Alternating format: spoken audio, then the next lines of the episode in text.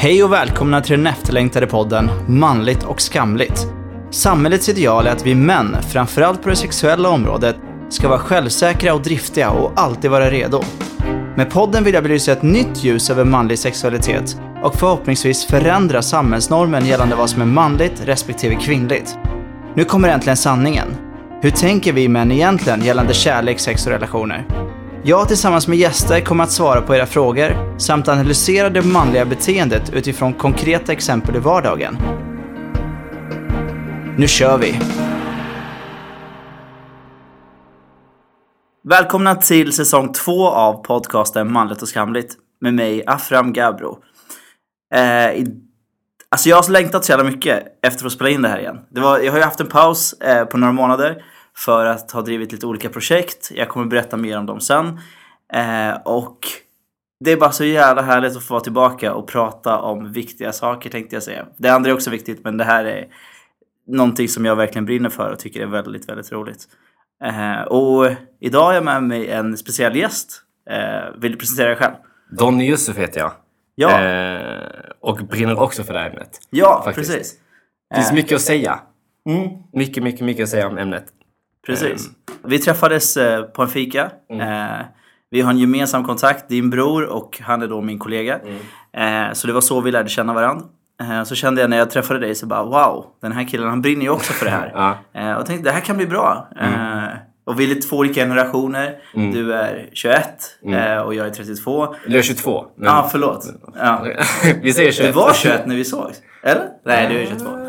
Okej, du Vi ser ut som säga 21. 21, Du ser ut som 21. Tack. Eh, ja men det blir liksom så här, två olika generationer när vi pratar om dating och kärlek och relationer överlag. Så det kan bli intressant kan jag tänka mig. Och få bådas perspektiv. Eh, men sen mest framförallt så har vi olika kulturella bakgrunder och den aspekten kommer ju också komma fram hopp- förhoppningsvis. Eh, så, men, men presentera dig själv lite mer då. Du heter Donny Josefi, 22 år. Eh, vill du berätta någonting mer om liksom? Ja, jag eh, jobbar faktiskt eh, inom, eller på public service i radio. Eh, och har gjort det två år tillbaka nu. Eh, eh, brinner också ganska mycket för ämnet manlighet och alltså brinner inte för det på det sättet att jag tycker att det är så bra hur det är idag men jag brinner mer för det här normbrytandet. Eh, att, att, att det finns en speciell norm som vi ska leva upp till. Ehm, och den tycker jag är ganska skev och ganska, ganska knasig. Eller så är den inte, den speglar ju inte alla Nej, män som följer den normen. Liksom. Exakt, som mansnormen eller manlighet överlag. Och det är det vi ska prata om idag, eh, som ett första avsnitt. Tänkte att det kunde vara ganska passande att kicka igång säsong två med egentligen kärnan i podcasten helt enkelt. Och just det här som du var inne på. Mansnormen eller kvinnor, män, eh, kvinnligt, manligt, vad är egentligen skillnaden och så vidare. Så vi ska prata om manlighet idag. Eh, och det känns ganska bra. Är, Yeah. ja, ja. Fast det är, det är ett ganska svårt ämne på ett sätt också. Visst är det? Jag Ja. tänker på det också. Faktiskt. För ingen har ju svar på vad manligt egentligen är. Nej. Om man tänker efter. Exakt. Och det, det sitter vi två här men enligt eh, liksom könen, könen man. Ja. Eh, så. Eh, och samtidigt ska prata om manlighet som för mig i alla fall är, min hypotes är att manlighet och kvinnlighet är ju en social konstruktion som har skapats. Eh, sen om det är så eller inte, om det är biologiskt, det vet, men min teori är att det är skapat. Sen att vi har olika kön är ju biologiskt, rent så. Eh, Och det är den teorin jag tycker om också väldigt mycket. När du sa det förra gången vi sågs. Mm. Att det enda som skiljer oss är ju det biologiska. Ja. Det är det. Och det är ju egentligen, alltså det, om man bara tar vad är det biologiska egentligen som skiljer oss åt? Och det är att vi har olika könsorgan. Eh, att kvinnan kan föda barn, eh, det kan inte vi män. Och att vi har olika uppsättningar kromosomer helt enkelt. Eh, och ja, det är väl det egentligen som jag tror är skillnaden. Och allt annat är en social konstruktion. Sen kommer jag få jättemycket skit och det är välkommet. Det är bara att skicka skit. För då, då skapas en diskussion och det är kul. Ehm, Men eh, om du tänker tillbaka på eh, just eh, manlighet och hela den grejen. Hur var din uppväxt liksom? Hur, hur såg könsrollerna ut i din familj? De var ganska tydliga, väldigt tydliga. Jag var liten och minns att mamma grät när hon födde mig faktiskt. För att hon trodde att jag skulle vara en tjej. Men så föddes jag som kille. Oj, Eh, det började redan där alltså. Det började redan där. Eh, Och det var jobbigt för mamma att jag var en kille för att jag har ju två äldre storebröder. Eh, Och så tänkte hon så här, en tjej, snälla låt det bli en tjej. Och så hade hon känt det på sig. Eh, Men så föddes jag med en snopp istället. Ja, Eh, och det, det var jobbigt för mamma typ. Ehm, men hon behandlar mig ändå som, inom citattecken, sin tjej. Alltså du vet, så här, hon, hon målade mina naglar, satte upp mitt hår. Jag hade så här långt, blont, krulligt hår. Har svart hår. For some reason. Rakt. Helt motsatt. Helt motsatt. Eh, Så jag blev behandlad som en, som en flicka, inom citattecken. Jag tycker inte det är fair att säga behandlad som en flicka eller tjej. Men alltså att jag, mamma såg mig som en tjej liksom. Målade mina naglar, satte upp mitt hår. Ehm, och på något sätt då så hamnade jag i den här, eh, alltså mammas mammas kärleksbarn typ. Jag var flickan i familjen typ. Och kände mig som det också när jag var liten. Du vet, väldigt, jag kände mig inte som flicka, jag visste att jag var kille och så. Men att jag ändå kände mig mer feminin än alla andra typ. Ehm, och en speciell dag så minns jag också att jag skulle gå till affären med pappa typ. Uh, då var kanske sju, åtta år någonting. Eh, det var vinter och så hade jag på mig handskar. Eh, och så gick vi till affären jag och pappa och han tar mig i vantarna. Och så såg han att jag hade så här blåa naglar, blå nagellack. Och han bara, vad är det här? Och jag bara, vadå? Och då fattade inte jag, du vet, så här, vad felet var. För jag var ju uppvuxen med att det var okej att ha nagellack fast man är kille. Så pappa bara, bara så här, vad är det här? Varför har du blåa naglar? Och då blev jag så här, men shit, det var mamma som gjorde det. Är det någonting fel? Du vet, så här, och redan då, jag bara shit, shit, shit, det är inte fel. Så här får inte jag vara. För jag är man typ. Eh, och efter det har det varit väldigt så här, stereotypa normer. Alltså, hemma hos oss i alla fall. Att det är så här, män ska inte göra så, tjejer ska göra så, tjejer ska göra det, killar ska göra det typ. Men vad, vad svårt på ett sätt för att det är ju liksom För då var det ju föräld, dina föräldrar spontant som tog ställning till eh, Till hur de upplever att du ska vara eller bete dig. Så att mamma på något sätt bjuder in till det feminina och måla naglar och det ska vara accepterat. Okej. Kanske av sorgen av att hon ville ha en flicka och hela den. Så att det var väl hennes bearbetning i det hela. Men sen så får du skit av din farsa för att råkar då ha målade naglar som din mamma har skapat. Alltså det blir liksom, kan tänka mig förvirringen i det. Som en åttaåring Som- är ja. jätteförvirrande och bara så här shit, ena dagen bara eh, andra Ja, dagen exakt. bara va? Du vet så här, det är, Nej, helt galet.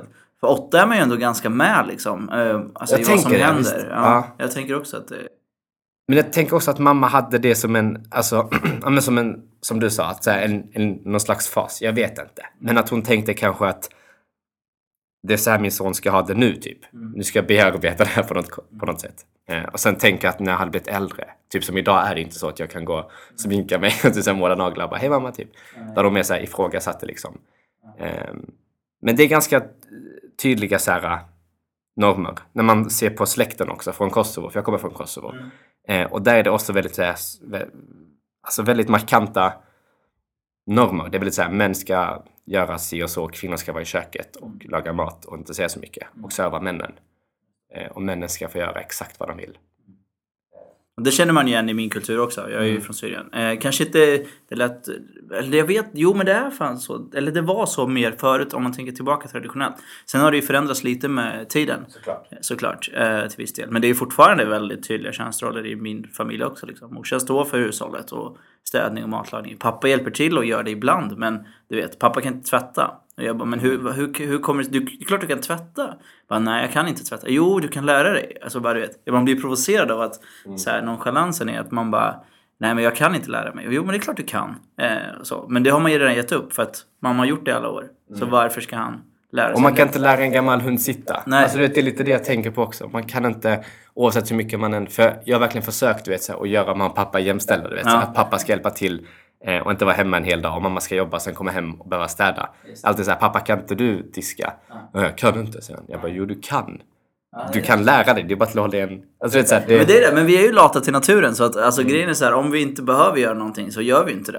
Eh, det är lite så. Eh, så det är klart att det blir väldigt bekvämt att vara man då i våra kulturer om kvinnan gör allt annat liksom. För att det är okej. Ja, för att det är okej. det- Det exakt. accepteras ju. Ja. Ja, det är jävligt intressant. Eh, faktiskt. Så att, men du har ju i alla fall ganska tydligt. Var det, skulle du säga att det typ är ett av dina första här, starka minnen när du går med pappa där med målade naglarna? Är det Absolut. Liksom, ja. Alltså, det är det jag tänker på så fort jag tänker på just det här ämnet. Alltså när jag tänker på hur det var när jag var liten, typ. Då minns jag, jag minns exakt hur det var. Alltså, du vet, jag minns att jag höll han i handen, jag minns allt. Jag minns att pappa bara tittade på mina naglar, rynkade på ögonbrynen och bara, vad håller du på med? Typ, vad är det här?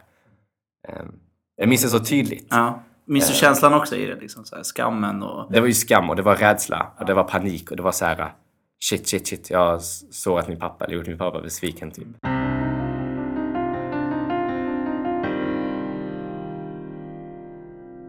Ja, men om vi kör, om vi liksom så här, men om vi kollar idag då, så här, manlighet. Så här, vad är det som anses vara typiskt manligt då, idag? Skulle du säga? Det har ju ändrats ganska mycket ja. faktiskt. Ja. Eh, I alla fall av alltså den, den umgängskretsen som jag umgås med så är det ganska blown away. Det finns ingenting som är manligt eller kvinnligt utan allting är välkommet och det spelar ingen roll om Okej. man har mål eller naglar. Typ. Nej. Eh, men när man ser i helhet, då är det väl ganska mycket att män ska...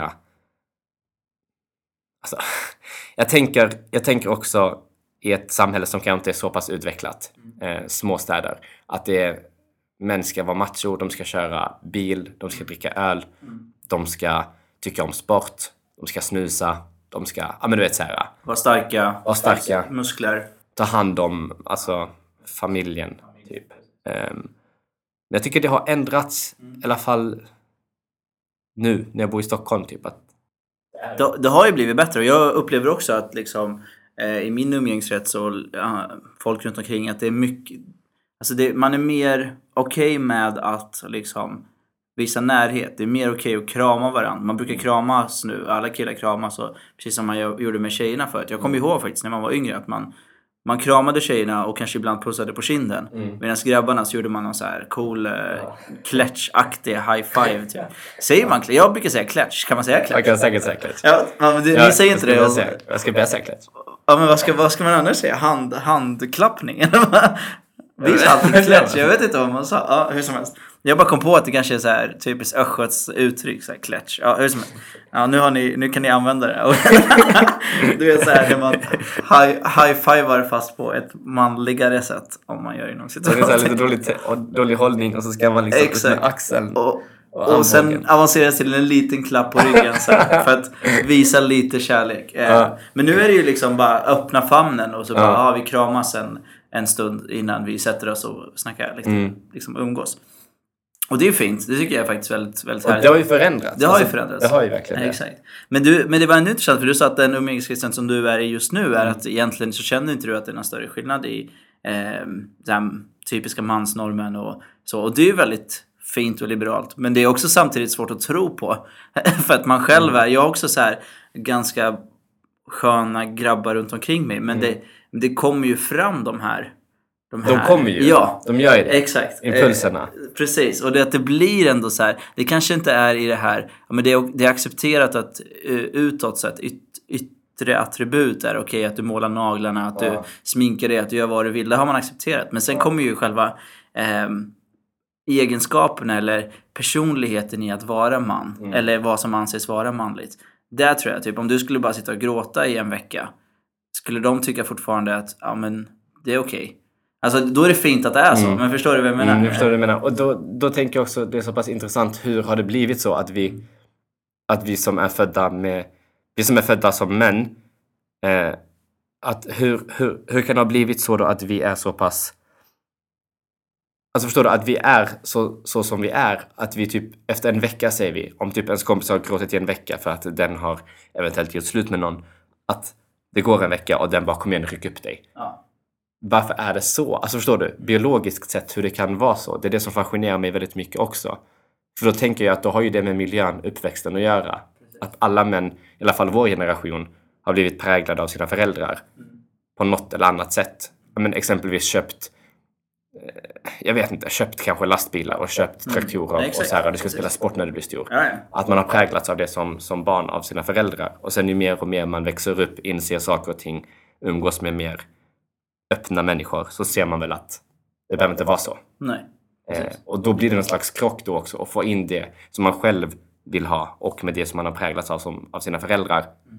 Ehm, förstår du vad jag tänker? Ja, jag fattar precis. Att det blir grejen, liksom- men det börjar ju väldigt, väldigt tidigt. Det, det säger ju forskning och psykologer och annat. Att det, det börjar redan när man är i magen. Att Mm. eh, föräldrarna börjar planera rummet och man ska köpa kläder. Och redan där har ju könet en stor betydelse i att ah, men nu är det man. Då skapar man Mm. en miljö kring att könet råkar då vara man eller råkar vara kvinna. Så det börjar väldigt tidigt. Och sen så just det här förhållningssättet till män och kvinnor. Eh, framförallt när man är små är ju väldigt tydligt. Så att egentligen så var det ju positivt att din mamma var öppen och liberal med dig i att det är okej. Okay. Men sen kom du, fick du ju skit av farsan istället så det blev liksom eh, väldigt svårt att hitta din identitet kan jag tänka mig i det. Eh, men jag förstår vad du menar, men att det liksom nu varför, varför killar kanske är mer benägna att eller om det är så överhuvudtaget, men jag tänker snabbare på att säga så här, men ryck upp dig, det går över, mm. skärp dig, det blir bra. Det är ju den sociala konstruktionen som vi har lärt oss att vi, vi ska ju inte visa sårbarhet och känslor, utan vi ska vara starka. Jag vet inte om, eh, jag tänker kvinnor eh, som är i samma situation, att en tjej har blivit dumpad av sin kille och man är med vänner. Kommer de säga på samma sätt, ryck upp dig? Eller kommer de låta henne liksom få den här känslostormen som man behöver. Mm. Förstår du vad jag menar? Ja, det, ja, det uh, ja. Och jag tror att man är mer öppen i en grupp med tjejer att få tillåtelse att vara sårbar. Jag håller med dig. Uh, faktiskt. Då tjejer i det här fallet har, har större liksom, vad ska man säga?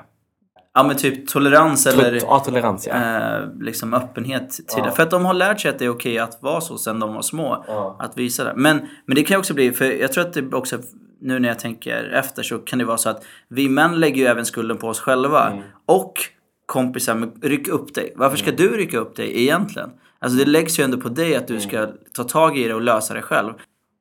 Det har så mycket att göra med hur man växte upp. Alltså då, ja. Det är A och O alltså. Precis. Och då kan man ju vända sig vad är typiskt kvinnligt helt plötsligt? Och då, ja. då är det den här stereotypa att de ska vara mer känslosamma och de ska vara mer intakta med sina känslor. Omhändertagande. Och det är kanske där vänskapsgrejen också kommer in, att de liksom tar hand om sina vänner. Mm. Eh, så, eh, men frågan om det är också bara, det är ju också bara en social konstruktion. De ska vara vackra, ha speciellt utseende, skönhetsidealet. De präglas ju mycket mer i den alltså dåligt samvete, eller inte dåligt, vad heter det? Eh, prestationsångest och ångest över ja. att man inte ser tillräckligt bra ut. Och så Såklart.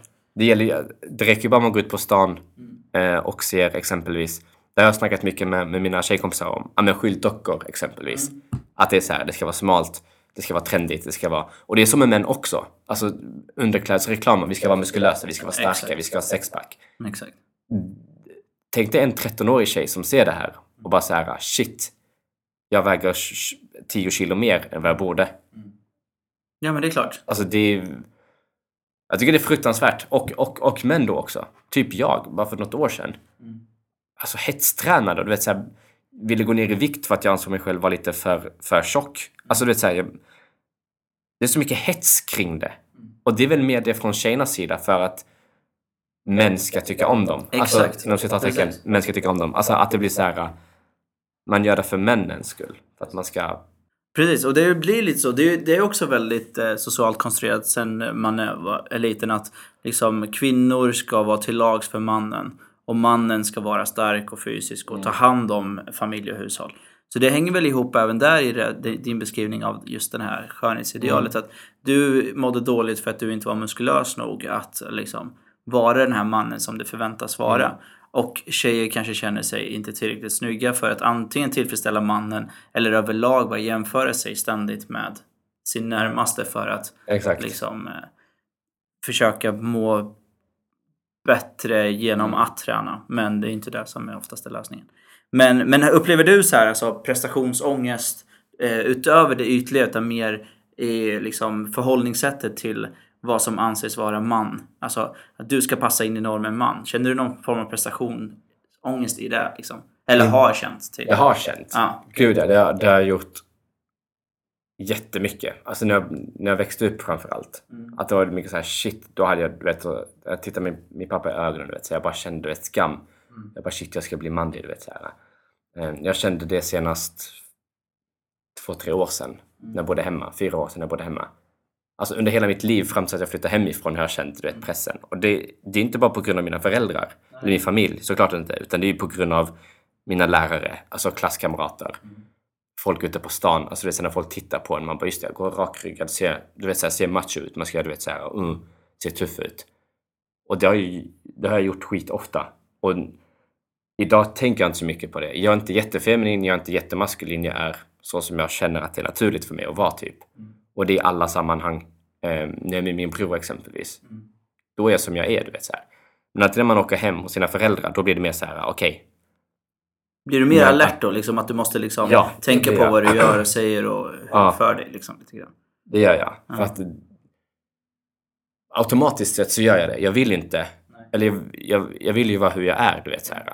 Så som jag är för typ mest bekvämast. Men där måste jag alltid tänka efter, vet så här. Bara hur sitter jag? Är pappa stolt? Fastän att jag, fastän att pappa kanske inte ens tänker så här, shit min, min, min son sitter som en tjej. Jag är inte stolt över honom. Han tänker säkert Nej, inte så. Men att det är så inmatat i ens huvud. Exakt, precis. Ehm, att man måste så här automatiskt ändra på sig för att man ska passa in.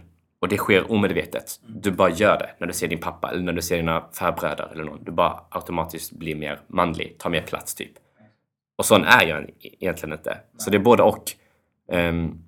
Och jag, tror att det, det, jag tror att det är väldigt vanligt faktiskt att man gör så. Eh, för, för du har ju växt upp med det och då har du en förväntning av vad din farsa förväntar sig av dig. ja men exakt. Så att då anpassar du dig efter det. Och så gör vi ju generellt i sociala eh, konstellationer överlag att man vill ju passa in i slutändan. Eh, Det är ju det som är i vår natur och då anpassar man sig efter miljön där man befinner sig i. På ens egen bekostnad ofta också. Eh, så det är väldigt intressant faktiskt. Men även när man är med tjejer, Mm. alltså här, då anpassar jag mig också för att vara mer så här, uh, lyssna och, och du vet, mer vara den här känsliga killen som bara så här, ja, ja, ja, jag förstår vad du menar. Ja, exakt. Jag finns här. Alltså, Ja, vet, ja. och vara på det sättet. Och sen drar man ner till Skåne och då anpassar man sig efter dem. Man är ganska anpassningsbar som människa. Men jag försöker ändå, eller jag jobbar väldigt mycket med det att inte försöka, du vet så här. Jag ska inte försöka vara någon annan. Jag ska bara ta det lugnt. Ta ett djupt andetag, bara luta mig tillbaka och vad det nu är. För att det är sån jag är. Alltså, och det... Ja, Ja, det är sant det du säger. Ja men det, coolt. Ja, men, det, ja. men det är ju det. Och det är så vi är. Och det är också så här att du är mer inlyssnande och försöker vara det när du hänger med tjejer är väl också en förutfattad mening av att det är det tjejer tycker om. Mm, och det är exakt. det de är bra på. Ja. Att lyssna in. Så att man själv också anpassar sig efter det. Ja. Men egentligen är det också så här, det är ju bara bullshit. För att vissa tjejer är fantastiska på att lyssna, andra är ju helt tankspridda. Ja, exakt. Samma sätt som vi killar är. Vissa Ja. av oss är fantastiska på att lyssna och andra är bara helt tankspridda i sin egen bubbla. Och det är oftast det man glömmer bort också, vilket jag tycker är så jävla viktigt, att det finns så mycket olika... Det finns ingenting... Det finns manligt och kvinnligt, men det finns inget manligt och kvinnligt. Nej. Och det är det som är så svårt att... Exakt. Alltså så här, för att en kvinna kan vara manligare inom citattecken än vad jag är. Alltså väldigt så här...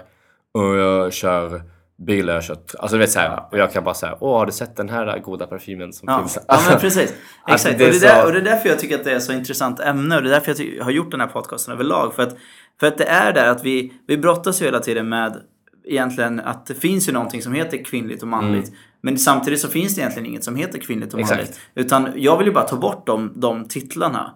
Eh, så att det finns man, kvinna, alltså könsligt, könsmässigt existerar ju, det är ju biologiskt. Mm. Eh, och så finns det trans och icke-binära och, och alla Mm. möjliga former. Och det är också helt accepterat och okej. Men sen så har vi de här termerna av kvinnlighet och manlighet Mm. som jag då tycker är en social konstruktion. Om man tar bort dem och byter ut det mot personlighet Ja. då blir det ju mycket enklare. Ja. För då kan du vara könet man men vara väldigt känslosam. Eh, tycka om eh, smink och kläder och bla bla bla. Och samma sak motsatsen. Att du kan vara könet kvinna eh, och tycka om macho-grejer då som anses vara manliga idag. Som bilar och träning och fysiskt stark och you name it. Typ. Affe for president säger jag. Ja, yeah, absolut. Faktiskt. Det vore faktiskt... Jag, hade, jag skulle vilja vara lite politiskt engagerad. Ja. Men, men där tycker jag att när man går in i politiken så känns det som att man formas om och blir fyrkantig. Eh, och det vill inte jag vara. Så att eh, därav så... Det här är ju ditt politiska statement, Sant. kan man ju säga. På mitt sätt också. Ja, så det känns faktiskt väldigt bra. Eh, mm. Jag håller med dig, för att det, det är väldigt sant det du säger, för jag har inte tänkt på det sättet. Eller jag har ju tänkt på det sättet tidigare, att det inte borde finnas manligt och kvinnligt, utan att det borde finnas en kvinna som är mer macho, eller en kvinna som är mer icke... Alltså det är så här, att, Eller bara att man fokuserar på egenskaperna Ja men istället. exakt, att det inte finns någonting... Det, det ja, spelar ingen roll vad, alltså om jag hänger med en, en person som råkar vara könet kvinna Mm. men som kan sport och bilar och är mycket starkare än mig. Mm. Vad spelar det för roll? Alltså det är liksom, det är ju den personen hon är. Och förstå då den här tryggheten som skulle befinna sig hos de flesta av oss av att bara så här, ja men jag är den jag är. Mm. Liksom. Men jag råkar vara könet bla bla bla. Och då, är det Exakt. bara rent, då blir det ju faktiskt bara rent biologiskt. Att Ja. Befruktningsmässigt så funkar det så här. Mm. Att jag har en snopp och du har en fiffi och därav så kan vi göra olika saker. Alltså se- rent så. Men allt annat är egentligen bara fritt och man får göra vad man vill. Eh, det, är, det är ju en eh, drömvärld som inte kommer hända på flera år men Men jag tänker också bara att vi två som, som, som är män pratar om det här just nu. Vi behöver inte prata om det här just nu. Mm. Nej, för exakt. vi kan ju bara ta vara på, alltså på att vi är privilegierade. Nej, exakt. Men vi gör inte det för att vi inser hur fucked up det är. Mm. Att det är som det är. Faktiskt. Ehm, det tänker jag också väldigt ofta på att, så här, att jag som man, alltså du vet så här, hade jag varit en douchebag hade jag varit så här, skitsamma, jag är privilegierad, jag kan göra fan jag vill. Aha, exakt. Men jag är inte så för att jag inser att det är fucked up, det går inte Ja. att ha det så. Eh, att det är så här, kvinnor ska göra det här och vara så här, män ska göra det här och vara så här. Exakt. Alltså,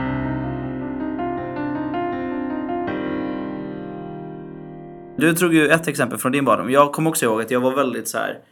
Eh, jag hade bra känsla för dans och rytm. Liksom. Jag var väldigt duktig på det och fick ganska mycket när man var ute och klubbade. Liksom. Då fick man säga ah, du är ju duktig på att dansa. Så lala." Och då, bara, ah, men då stärktes lite självförtroende. Jag tänkte ah, men det här kan jag ju göra. Liksom. Men sen kom ju motståndet. För på, på min tid då var det inte accepterat med dans. Eh, att vara kille och, dan- och dansa. För då skulle jag gå in i en värld där det skulle kunna bli mobbning och det skulle kunna bli förtryck och hela den grejen. Men bara så här fem år senare så har ju- blev dans trendigt tack vare gruppen Bounce och annat. Så då blev det så här, helt plötsligt ville alla dansa. Och då var det accepterat för killar att dansa.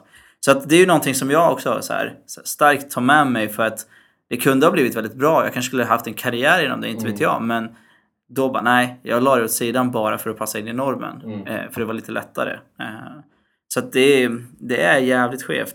Ehm, har du andra sådana minnen? Eh, alltså den, den är väldigt stark, den kommer jag ihåg för att det var någonting som jag typ kände att jag hade förlorat någonting. Eh, Ja. Men sen generellt, jag växte upp med eh, två systrar eh, och då, det kanske är skillnad också men jag känner att typ ehm, förväntningarna har varit annorlunda på mig och mina, mina systrar, eller min storasyrra då främst då, eh, på vad som förväntas av oss eh, lite grann. Så att jag blev placerad och skulle sporta, vilket var kul och jag tyckte att det var roligt. Men jag hade egentligen inte så mycket fallenhet för fotboll. Fast jag, alltså jag var helt okej, men inte så duktig. Men jag, jag startade där för att det är det man skulle göra. Liksom så. Medan min eh, syrra var mycket så här, läste och var mer kreativa saker. Fick liksom vara mer i sådana konstellationer än eh, vad jag fick. Så att man redan där hade kategoriserat att män är inte så kreativa och eh, liksom skapande utan de är mer tävlingsinriktade och sportiga. Eh, typ så. så det minns jag också. Och jag är tvärtom idag. Idag är jag väldigt kreativ och liksom får utlopp för den, eh, den känslan. Och det är ju skönt. Och det är ju det är där jag mår bra i. Liksom.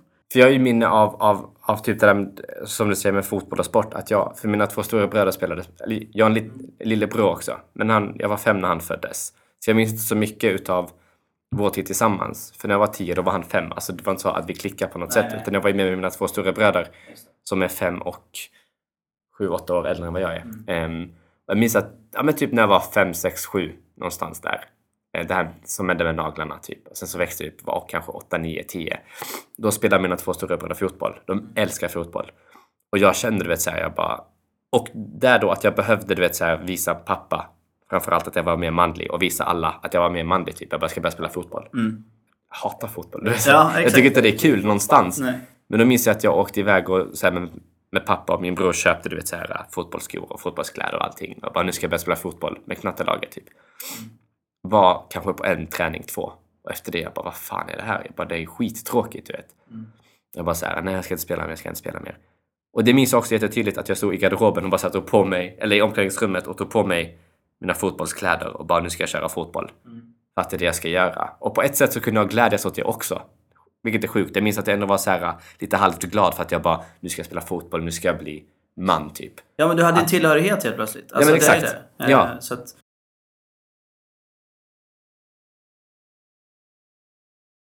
Men jag tänkte så här. Jag tänker jag slänger ut lite citat som, eh, som eh, är typiska citat som man kan få höra som man när man växer upp. Och så får vi se så här, om du känner igen dig eller hur. Vi liksom bara går igenom några så här. Ehm, jag tänker så att det blir lite tankeställare på de här sakerna som vi säger som vi egentligen inte menar någonting med fast det blir ju mer än vad vi tror. Typ så. Eh, och det första är såklart, var en man. Det, är ju så här, det har jag ju tagit upp också Ja. som exempel. Liksom. Det får man ju höra eh, ofta. Så här, Be a man eller var en Ja. man eller kom igen, Ja. skärp dig. Typ så. Eh, och sen att män gråter inte. Nej. Det får vi inte göra. Eh, och det är också så här, jag tror att det börjar ganska tidigt faktiskt, att Ja. man säger sådana saker. Eh, vilket är väldigt sjukt egentligen. Alltså en femåring till exempel. Mm. Vadå, va- varför är det inte okej att en femårig pojke gråter? Mm. Alltså jag tror att man redan där, eller tio år, bara liksom, vi gråter inte. För Det är klart man... Eller, eller, ja, jag kan inte fatta, men det händer ju. Alltså, Ja, mina föräldrar, alltid. Moskoj, moskoj på albanska. Gråt inte, Ja, gråt exakt. inte. För det är inte vad riktiga män gör. Ja, Nej, man får ju inte alltså... Och sen inom sport och liknande, då är det också väldigt många som slänger ut liksom så här. Du spelar som en fjolla, du spelar som en kärring. Ja. och, vad betyder det Du egentligen? springer som en tjej. Ja, du springer som en tjej. Ja. Alltså, vad, vad betyder det? Alltså det är så sjukt egentligen. Eh, vadå, att man springer långsamt eller att man springer känslosamt? Nej, ska jag alltså, Springer med känsla. Ja, Exakt. Det borde fan man... Det är ett bra svar egentligen. Ja, springer som, tack. Ja, jag springer som en känsla. Jag springer med känsla. Nej men det är sant. Mm. Ja, de citaten har man ju tagit del av en hel jävla del. Endast i... När var det? Eh, på grund av det där som hände i Stockholm i fredags. Terrorattentatet. Jag var väldigt devastated. Jag var väldigt rörd och jag grät och blev du vet så här. Det kom som en chock. Mm. Och så ringde jag min bror som också bor i Stockholm och pratade med honom och han var okej. Och då började jag gråta i telefonen med honom. Och då tänkte jag bara, nej gråt inte, gråt inte. Automatiskt. Exakt. Du vet säga bara gråt inte. Mm. Hade det här varit någon annan, exempelvis min tjejkompis, min bästa tjejkompis, då hade jag bara såhär äh, kom hit. Du vet Ja, såhär. men exakt. Då hade jag kunnat visa. Men när det är min bror eller någon annan man, då blir det såhär, okej gråt inte. Men jag kunde inte behärska det. För att det var på liv och död. Du vet, såhär. Han hade kunnat vara död, men han levde som tur är. Så jag bara, hej hur mår du? Bra, bla bla bla. Du vet, såhär. Och så började jag gråta. Ehm, och han sa gråt inte, men då menar han inte på det sättet. Nej. Utan du behöver inte gråta, allting är okej. Alltså, du vet, han, han tröstade mig på det sättet. Exakt. Däremot så ringde mamma senare. Och det här, var ju, det här hände ju i fredags. Mm. Eh, eh, den 7 april liksom. Ja. Och då ringde mamma. Och då hörde hon hur jag darrade i halsen, eller så här, i rösten och grät. Då sa hon, gråt inte. Vad gråter du för? Alltså du vet så. Ah, Okej, den andra Den andra versionen. Ja, Medan min bror då som var så här, det är helt okej. är Alltså, liksom. han sa gråt inte, det är okej nu. Du, Mm. Det finns ingenting att gråta över. Det är hemskt det som har hänt och det är en chock du är i. Du vet, så här, mer pedagogisk och mer psykologisk än vad min mamma någonsin har varit. Utan hon bara direkt, gråt inte. Och där blir det också väldigt kontrast med tanke på hur hon var när jag var liten. Att hon bara så här, kom till mamma, jag ska måla dina naglar, jag ska finnas här för dig. Och nu när jag är 22 bast, att det är så här, gråt inte. Nej, nu är det liksom Du är man. fyrkantigt. Ja, Var, var, var går den åldern från att just det. från att jag fick gråta, visa mina känslor och måla naglarna till att jag direkt inte fick göra någonting alls av det. Intressant Det är jätteintressant. faktiskt. Och det är Men- någonting jag jobbar med idag, alltså varje dag. Du vet. Så Ja. det är någonting man jobbar med. faktiskt. De sakerna som ens föräldrar eller som andra lärare till och med, till och med har sagt. Gråt inte, du är man. Eller spring fortare. Du, Mm. ja, men du är en man. Eller så här, Du är en kille, vad ska bli av dig? Exakt. Men det är också intressant att eh, även eh, din bror då, som egentligen inte menar det på det här sättet, genom att säga gråt inte, så väcker det ändå en tanke i mitt huvud eh, om man bara tänker till själva... För han är ju upp, också uppfostrad med den normen. Eh, så att om det då hade varit hans syster som ringde, tror han skulle formulera sig på ett annorlunda sätt och inte säga kanske gråt inte utan mer så här, ehm, det, det kommer bli bra, eh, oroa dig inte. Alltså du vet, för det är ju ändå en, det, det är ett statement i det hur man än vrider och vänder på det. Att Ja. säga gråt inte. Eh, Jag tror att det blir starkare när en kille gråter. Förstår du vad jag menar? Det blir ju det. Ja. Det blir det. Precis, som att det blir liksom...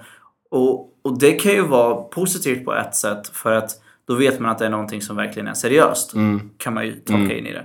Ehm, för annars gör man inte det. Nej, exakt. Nej, för män gråter ju inte. Nej, Alltså, precis. Och det här var ju, terrordådet var Ja. ju extremt känslosamt. Ja. Och det, är ju, det väcker mycket känslor. Och det är också en situation där helt plötsligt det är okej att få visa känslor. För att det är en sån stor grej. Liksom. Mm. Så, så att, men det är ändå intressant just den här formuleringen. Jag tror det, allt sånt där sker ju omedvetet. Så att, Mm. eh, jag är precis som du, jag försöker ju också hålla tillbaka. Jag tror att jag också säger sak, sådana saker till liksom de som råkar vara man, eh, eller mina systrar när de ringer. Då tror jag inte att jag skulle säga gråt inte. Nej. Utan jag skulle säga det kommer bli bra, det är lugnt. Eh, det är liksom så att det är som det är just nu. Mm. Precis som han sa. Mm. Men det är bara, skillnaden skulle Men vara just- just, ja, den meningen ja. kanske. Men ja, det, det är lite intressant också för att jag kommer att tänka på hur du hur du har haft din uppväxt med tanke på att du har systrar, Mm. Ja. endast systrar. Och hur Yes. jag har haft min uppväxt med tanke på att vi endast är fyra bröder. Alltså att man pappa kanske hade den här enorma pressen på min storebror då att han, du vet såhär, du är man, du är man, du är man. Alltså första barnet, shit, manligt, fan vad nice, det här är min son, han ska bli macho, han ska bli, du vet. Och så blev det inte så, för ingen i vår familj är, är macho eller såhär, "Ö, mamma du vet, håll käften. Alltså det är ingen som, ingen av oss bröder som säger, som har den skeva, ehm, alltså de skeva åsikterna som, som mina farbröder har gentemot sina fruar eller sina döttrar. Att det är så här, du ska hålla käften, du är kvinna, du ska vara tyst. Utan vi är ganska så öppna, du vet. Vi lyssnar på varandra och vi ändå finns där för varandra. Men när du, för att jag fick en så flashback nu när du sa det. En, eh, för det var ju så här, jag var ju ensam kille. Och så hade jag två systrar. Eller då hade jag bara storasyrran först i, när vi bodde i Syrien. Ja. Eh, och som ensam kille i ett hushåll eh, i Syrien då, kulturellt Mm. tillbaka. Så var det väldigt, väldigt uppskattat. Ja, Så jag den enda som, sonen. Ja, den enda Ja. åsonen. Exakt. Så jag blev ju hyllad redan när jag var två år. Ett år, två år. Alltså medan då min storasyrra fick vara lite så här eh, åsidosatt och fick ta åskådarrollen i det hela. För att jag blev ju liksom älskad av alla och du vet så här, för att jag råkade vara enda killen. Eh, och det hänger ju kvar än idag lite grann. Gud ja. Inte på riktigt samma sätt, men ändå det finns kvar. Och det har ju präglat där, alltså, kanske min storasyrras eh, självkänsla och självförtroende i det hela. För att varför blev inte hon älskad när hon bara var ett år äldre? Liksom, alltså det blir någon så här skev bild av att då vara kvinna helt plötsligt. Och inte få samma kärlek för att hon råkar då ha kvinnliga kärlek. Så det, det tror jag var väldigt, väldigt tydligt. Eh, så, framförallt från pappas sida på något sätt. Så, för att jag fick också ärva namnet på min eh, farbror som gick bort. Ja. Så att det blev så dubbel. Dels Okej. ensam kille och ärva namnet av, för deras då Ja. älskade son och bror. Eh, så att då blev jag ju extra Mm. älskad då om man säger så. Och det där är också så sjukt för att exempelvis det där med att man är den enda sonen, så är det i Kosovo också. Det är så här, jag har två kusiner tror jag som är de en, enda killarna. Ehm, och till och med, ja, till och med min fasta adopterade en son för att hon inte kunde få en son. Hon hade fyra, fem döttrar. Oj. Men hon Ja. var tvungen till att ha en son. Alltså, hon var tvungen till att ha en, en i familjen som har en penis. Därför adopterade hon ett barn för att kunna säga nu är vi komplett. En, ens, ens familj blir kompletterad när man har ett barn som är en son. Um, och då blir det så här, man ger, som du säger, man får ärva namn, man får så här mycket uppskattning, man blir en gud på något sätt. Um, men och då tänker jag så här, om den och då tänker jag så här, om den sonen då blir motsatsen från vad de hade tänkt sig. Om den sonen exempelvis gifter sig med någon annan från en annan kultur. Då blir de besvikna. Såklart. Alltså då blir det så enorm press på den sonen också. Från att ha haft, från att ha blivit hyllad, älskad och omtyckt av alla till att få hat för att den människan blev kär i en, låt oss säga kanske till och med samma kön. ja, det är ju Alltså det, alltså skamfullt i den världen. Ja, att så här, ifall han hade gift sig med en man och, eller så här, blivit tillsammans med en man och familjen hade fått reda på det. Då hade de hatat, alltså förstår du? Att det kan gå från att vara hyllat från deras norm att den här sonen ska växa upp, ska gifta sig med en albansk tjej. De, de är muslimer, de ska inte äta gris, de ska, drick, de ska inte dricka, de ska se och så. Och bara så här, bygga förväntningar i alla huvuden. Och sen så väljer den här killen då att exempelvis, säger vi, gifta sig med en, med en man typ. Då är det verkligen så här. Ah, oh no, no, no, no, no, no, no, no. Alltså förstår du att det... Exakt. Men det är också det är det och Ja, att han ska fatta det här beslutet kräver ju extremt, extremt mycket mod och styrka för att hur lätt är det att gå emot alla de där förväntningarna som Ja. finns på hans axlar. Liksom. Eh, Och pressen, för att kunna göra det precis. framför allt. Eh, Så, och det ju, kan vi ju diskutera. Det är ju, nu är vi inne på liksom, eh, homosexualitet och kulturellt och hela den grejen. Så, men det kan vi ta i framtida Mm. Det kan vi avsnitt, ab- absolut. Det var bara så här... Ja men det är bra liksom. Just, det är ju ja. det är väldigt tydligt liksom i det. Men om vi, om vi kopplar lite till relationer tänker jag. Eh, för det är ju lite det också temat här för min podcast. Och fortsätter på de här citaten så kan det ju vara så här att man får höra till exempel vilken toffla. Eh, vilken toffla du är. Och du så här, det, man ser ju vem som styr relationen och då är det Ja. typ att man helt plötsligt bara för att man uppskattar sin partner då oavsett kön men oftast är det ju kvinna då. Ja. Eh, så blir man kallad för en toffla för att man bara följer med i hennes eh, liksom, kommandon. Men så är det ju inte. Men det, det är ju ett tydligt uttryck. Som, sen finns det ju så här bros before hoes. Det är också så väldigt så här markant och tydligt att Du kan inte välja en tjej framför dina kompisar. Men Det är klart man kan. Det är där man ska. Alltså, rent, Ja. rent så.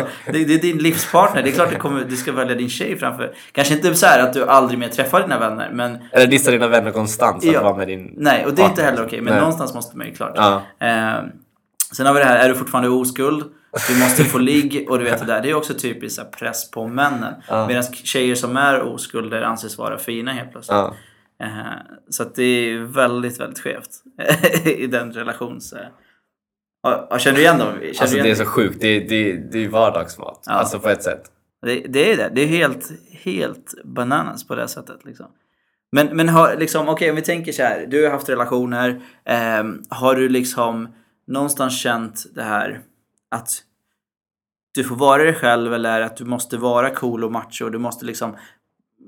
Kom, för att man tänker ju att vad är det först, alltså man tänker så här, vad, vad, tjej, vad vill tjejer ha av killen?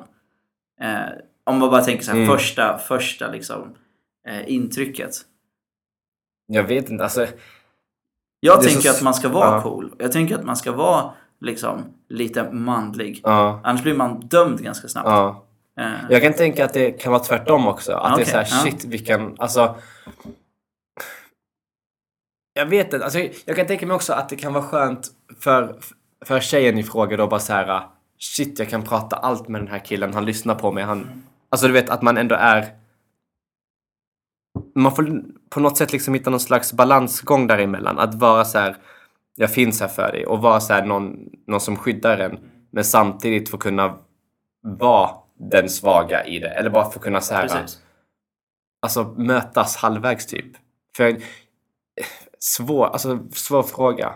Jag Ehm, tänker så här, hur, om, du, om du är en person som liksom eh, har lärt dig att vara macho och manlig då om man ska ut den sociala konstruktionen och liksom vara tuff och Mm. ta den platsen du förtjänar och vara cool och hela den. Att du kör den imagen, för det tror jag att många gör. Mm. Och sen så inleder du en relation, både vänskaplig eller kärleksfull. Och sen helt plötsligt så känner du, ja men här är jag trygg. Här känner jag mig hemma. Mm. Nu kan jag börja slappna av och vara mig själv. Och helt plötsligt blir eh, liksom känslosam. Mm. Då tror jag att det kan bli jävligt konstigt. För Mm. att, eh, både för personen i fråga men också för den andra partnern. Vad, Ja, ja. vad har hänt här? Ja. Liksom.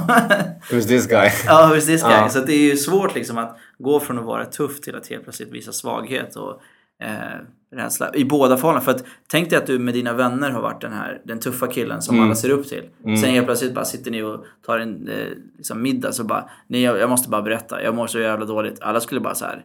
Va? Mm. Alltså. Du har ingen rätt att säga det på ett sätt. Förstår du vad jag menar? Mm, jag förstår exakt vad du tänker. Ja. Och då kommer alkoholen in. Och det är ju intressant. Ja. För när man dricker Det är då kan man vara... jätteintressant. För det berättade väl, eller vi pratade om det, att det Ja. oftast blir så här när man sitter män i grupp typ, de bara såhär öh, öh, Ja. testosteron, snus. Och så tar man någon öl för att det är manligt. Och sen så går ölen vidare till vin för att det är gott. Och det är redan där bryts den här normen om att män inte ska dricka vin. Och då börjar man prata mer om känslor. Ehm, och det kanske är så i förhållanden också, att man slappnar av ju mer och mer tiden går. Och den människan då man, man eh, inleder Eller ett ju mer och mer man förhållande med. dricker. Ska? I förhållande. Ju mer och mer man dricker i förhållande. Jag- Du menar hur man dricker förhållande blir man Nej, jag skojar. blir avslappnad. Men att då kanske människan bara här, ser en annan sida av en. Så därför kanske det är så jävla viktigt att bara så här, äh, först och främst hitta sig själv innan man går in i ett förhållande och bara så här. Mm. är jag. Och bara gå med den, eller visa den människan hur man är redan från första början. Och skulle den människan inte digga en för att man är mindre eller mer macho, då är det, Nej, exakt. alltså då är det så. Mm. För då är man inte sig själv. Nej. Ehm, Ja, men det är intressant. Men det... och, och, och förlåt, men Nej, också du sa att, att den man är själv kommer ju fram i slutändan. Ja. Antingen om man sitter med sina fyra, fem polare eller om man är med en, med en, med en, med en partner. Det kommer ju ändå komma fram på något sätt. Exakt. Och då kommer den människan bara, vem fan är du? Precis. Och det blir mer bara så här mindfuck. Ja, exakt. Så, ja. Men det är ju så här men eh, grupp är ju väldigt intressant för att eh, det var ju, jag, det var ju mitt exempel lite grann så här. Vi var på en så här svensexa och det här kommer vi prata mer om i ett avsnitt som kommer just handla om svensexa med Hypa. Eh, men då var det så här, det var ju väldigt så här testosteron, macho och typ så här.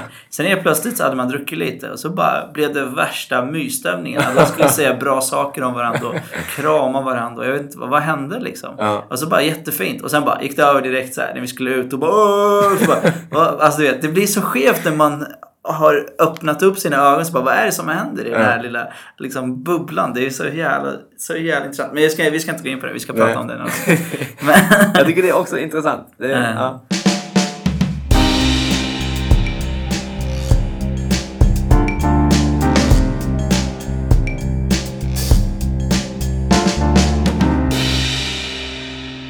Men vi måste också lyfta fram eh, rent eh, liksom så här, statistiskt är ju liksom att det är ju faktiskt flest män som begår självmord. Eh, och det tror jag också faktiskt är på stor del alltså, relation till att man inte passar in i mansnormen och liksom Mm. att man är väldigt ensam och mår dåligt och har ingen att prata med och så Mm. vidare. Så då tar man ofta sitt liv för det är enda lösningen som man ser Mm. då, just då. Men sen har jag också tänkt på det här med att män blir ju våldtagna. Kanske, det är såklart inte i samma utsträckning som kvinnor. Mm. Men, men det känns ju som att det också är tabubelagt. Mm. För att vadå, män kan väl inte bli våldtagna? De vill ju alltid ha sex. Mm. Typ. Mm. Det är så jävla skevt det där. Alltså att vi alltid är öppna för sex. Då kan vi helt plötsligt inte bli våldtagna. Mm. Det är klart man kan. Mm. Allt som har med sexuella övergrepp att göra är ju en våldtäkt. Mm. Så att om du inte vill så blir du våldtagen. Svårare Jag tänker också sexuella övergrepp som barn. Ja, ja precis. Jättevanligt. Alltså, Jätte, jättevanligt. Faktiskt. Eh, men också så här, alltså typ, man har ju hört så här män som sexuellt utnyttjar andra män och Mm. pojkar och liknande. Ja, hemskt. Eh, Ja. Men det är också så här någon form av så här skämskudde för att om du skulle hamna i den situationen att du blir sex, alltså sexuellt utnyttjad eller på något sätt. Då skulle du, det är inte många som skulle våga träda fram nej. och berätta om det just för att man råkar vara man. Det är ju många tjejer som inte heller vågar. Men mer kanske av rädsla eller... Eh, Men det har ju blivit mer, vilket jag tycker, vilket jag tycker är väldigt bra. Med tanke på att det är en stor del siffror av kvinnor som blir våldtagna. Men att, att det har blivit mer accepterat, att det har blivit mer öppet typ. Men att det i så fall kan bli det på båda hållen. Eller, eller ur ett helt samhällsperspektiv. Att det är, att det är okej att ta upp våldtäkt, att det är okej att prata om det och att man måste prata om det så fort det har Yes. hänt. Absolut. Eh, och inte bara specialisera sig på just kvinnor. Eller det händer ju mest för kvinnor såklart. Men att det blir en öppen samhällsfråga istället. Absolut. Ehm, Men det svåra med den diskussionen är faktiskt att det är inte alltid man vet när det har gått över gränsen. Förstår du? Jag har läst mycket och pratat med många också så som liksom för att generellt så ser det faktiskt ut så att män liksom sexuellt ofredar kvinnor generellt hela tiden Mm. genom deras, hela deras uppväxt och liv. Så att ibland så bara när jag får höra saker så bara, men det där är ju solklart sexuella övergrepp. Mm. Då säger de så här, fast nej det var inte så farligt. Då, då blir jag rädd för att Mm. då har det ju hänt saker som är mycket, Exakt. mycket värre. ja. Och då blir det som någon form av så här normal standard. Och det är ju fruktansvärt. Mm. Eh, så det är ju rent lagmässigt sexuellt ofredande eller sexuella övergrepp. Men de, eller tjejer då som har varit med om det hela sin uppväxt ser inte det som det för att det blev, det blev ett normalt beteende. Normaliserat. Ja, normaliserat. Och det är ju hemskt. Det är ju liksom, så att då blir det ju bara så här, våldtäkt är bara våldtäkt när det verkligen är våldtäkt. Mm. Så. Och allt annat är bara, ja men det är så det är. Mm. Så det tror jag man måste lyfta ännu mer. Att liksom prata om de här diffusa mellantingen som egentligen inte är så diffusa men det blir ju diffus för att eh, man inte riktigt vet vad som är normalt och vad som... Mm. Alltså, så så det, är, det är fruktansvärt. Eh, men om vi generellt så har ju så här killar eh, svår, eller svårt att öppna upp sig och ha någon att prata med sägs det. Eh, rent statistiskt. Hur känner du? Har du någon, har du ganska bra liksom, människor i ditt liv där du känner att du kan prata med och så om du skulle må dåligt eller eh, så? Ja, men det har jag. Alltså jag har ju väldigt många alltså fantastiska... Jag har ju tre, fyra vänner som står mig skitnära. Mm. Sen har jag ju vänner som är som står mindre nära och sen har jag ytliga vänner som jag bara träffas med ibland och bara hej vad kul att se dig. Vet. Ja.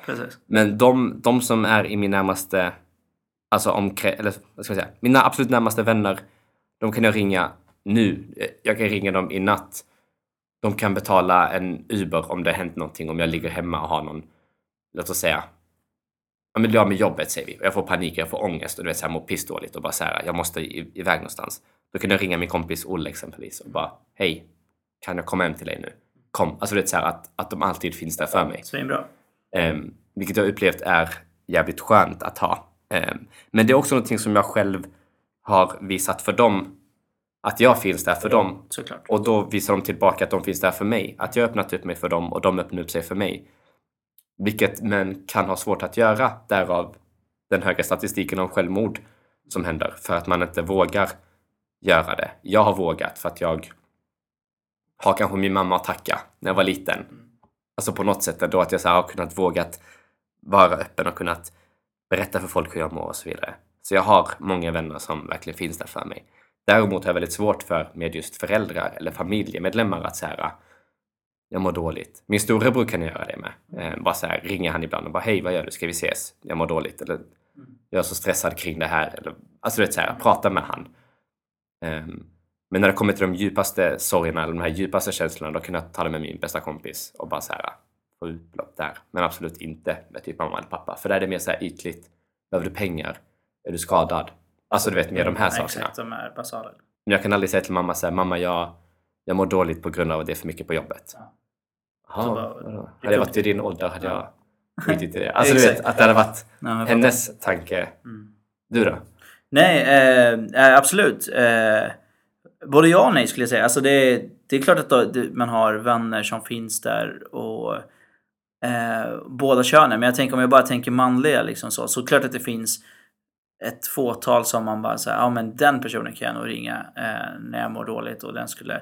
Men, men jag, jag vet inte om, om jag skulle säga riktigt så att jag känner att den, den skulle lyssna. Men det, det är ju någon form av jargong ändå liksom Mm.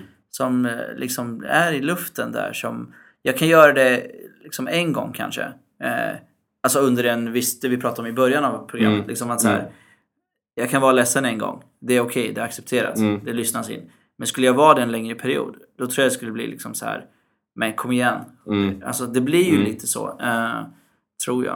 Eh, Att man, vi är också, man blir mer så lösningsfokuserad. Mm. Tror jag. Mina vänner är mycket så också. Eh, det finns olika. Men typ så här, ja men, men man kommer med de här liksom, lösningarna. Vilket Mm. jag själv är en sån person.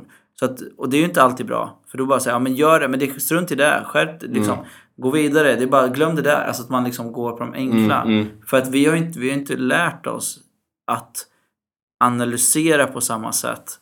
Eh, och gå in i djupet på vad som egentligen är. Och så tror jag det är med föräldrar också till små pojkar som visar känslor. Eh, då tror jag att det är väldigt vanligt att man bara så här försöker lösa problemet så att barnet ska må bra igen. Ja. Istället för att liksom gå in i djupet och fråga vad är det egentligen som gör att du mår dåligt? Och liksom prata om den halvtimme, 40 minuter och liksom Ja. få, få fram alla känslor. Sen kan man ju försöka göra det bättre. Ta ett plåster på såret efter Men man, liksom. man, man är ju obekväm i den rollen så liksom så här, då bara tjup, vi löser det snabbt, nu mår du bra igen. Åh, nu är mitt samvete bättre. Alltså förstår du vad jag Ja. menar? Och det tror jag att det, det händer ganska många. Och jag tror att det är vanligare att man gör så med pojkar än med flickor. Eh, för att jag tror att flickorna, det är mer accepterat att de får gråta och får visa känslor och prata om det med föräldrarna också. Så att det, det hänger nog kvar lite grann. Men det är klart det är mycket bättre idag. ja. än vad det var Men förr. känner du att du kan göra det med dina systrar också? Eh, absolut. Eh, mer. Eh, fast det är också det där, det blir ju en annan roll där också. Alltså på, på ett sätt ja. Men samtidigt så är man ju så här storebror till min lillasyrra och lillebror till min storasyrra. Ja. Så det är liksom så här roller i det som man ska förhålla sig till och eh, visa sårbarhet för. För dem är ju inte heller hundraprocentigt för att för jag till exempel till lillasyrran så känner jag ju något, för någon form av ansvar att jag ska vara den starka. eh, På ett sätt, fast jag inte behöver vara det. Men när jag tänker efter så tror jag att jag har den känslan. Eh, För att, så att hon kan vända sig till mig när det är någonting. Och det blir ju skevt. på något sätt. För att jag kan inte alltid vara stark också. Liksom Nej. så. Eh, nej, svår fråga faktiskt. Mm. Och, liksom helt konkret. Jag tror det är både och. Det beror på period och vad det är och vad det handlar om. Liksom. Ja men exakt. Eh, Men att det, ja. men tror du generellt liksom att det är så att män är sämre på att lyfta varandra? Det tror jag. Ja. Det Så- tror jag faktiskt. Eh, att vi, för att jag, det finns en jargong också att eh, man trycker ner varandra. Eh, typ så här. Det är någon som bara, "Ah, men jag känner mig, jag känner mig liksom eh, ful eller tjock så här. Ja, då, då kryddar man på det gärna och skämtar vidare om det liksom så här. Och sån, alltså det här är ju... Det, det händer ju liksom. Ja, din tjockis, du Ja. äter ju alltid en extra hamburgare. Eller du, Alltså det- det är pizza då. Ja, Ja. precis. Och på ett sätt så är man ju en, en, en, bidragande, så här, en bidragande faktor till det här också. Mm. Med sina andra killkompisar. Att man själv också är en sån som bara... Omedvetet. Och sen efteråt så tänker jag i alla fall, för jag kan reflektera kring saker jag säger. Den förmågan har jag. Men att, att jag bara säger, okej okay, shit, förlåt. Alltså du vet så att man ändå, och ordet förlåt. Att om man har sagt någonting, om man har det jargongen med sina kompisar, att man bara säger ah, ja men du är för tjock, ät inte en hamburgare till då. Mm. Och sen efteråt så tänker jag bara så här, shit, det där var ju fan elakt. Tänk om man mår dåligt.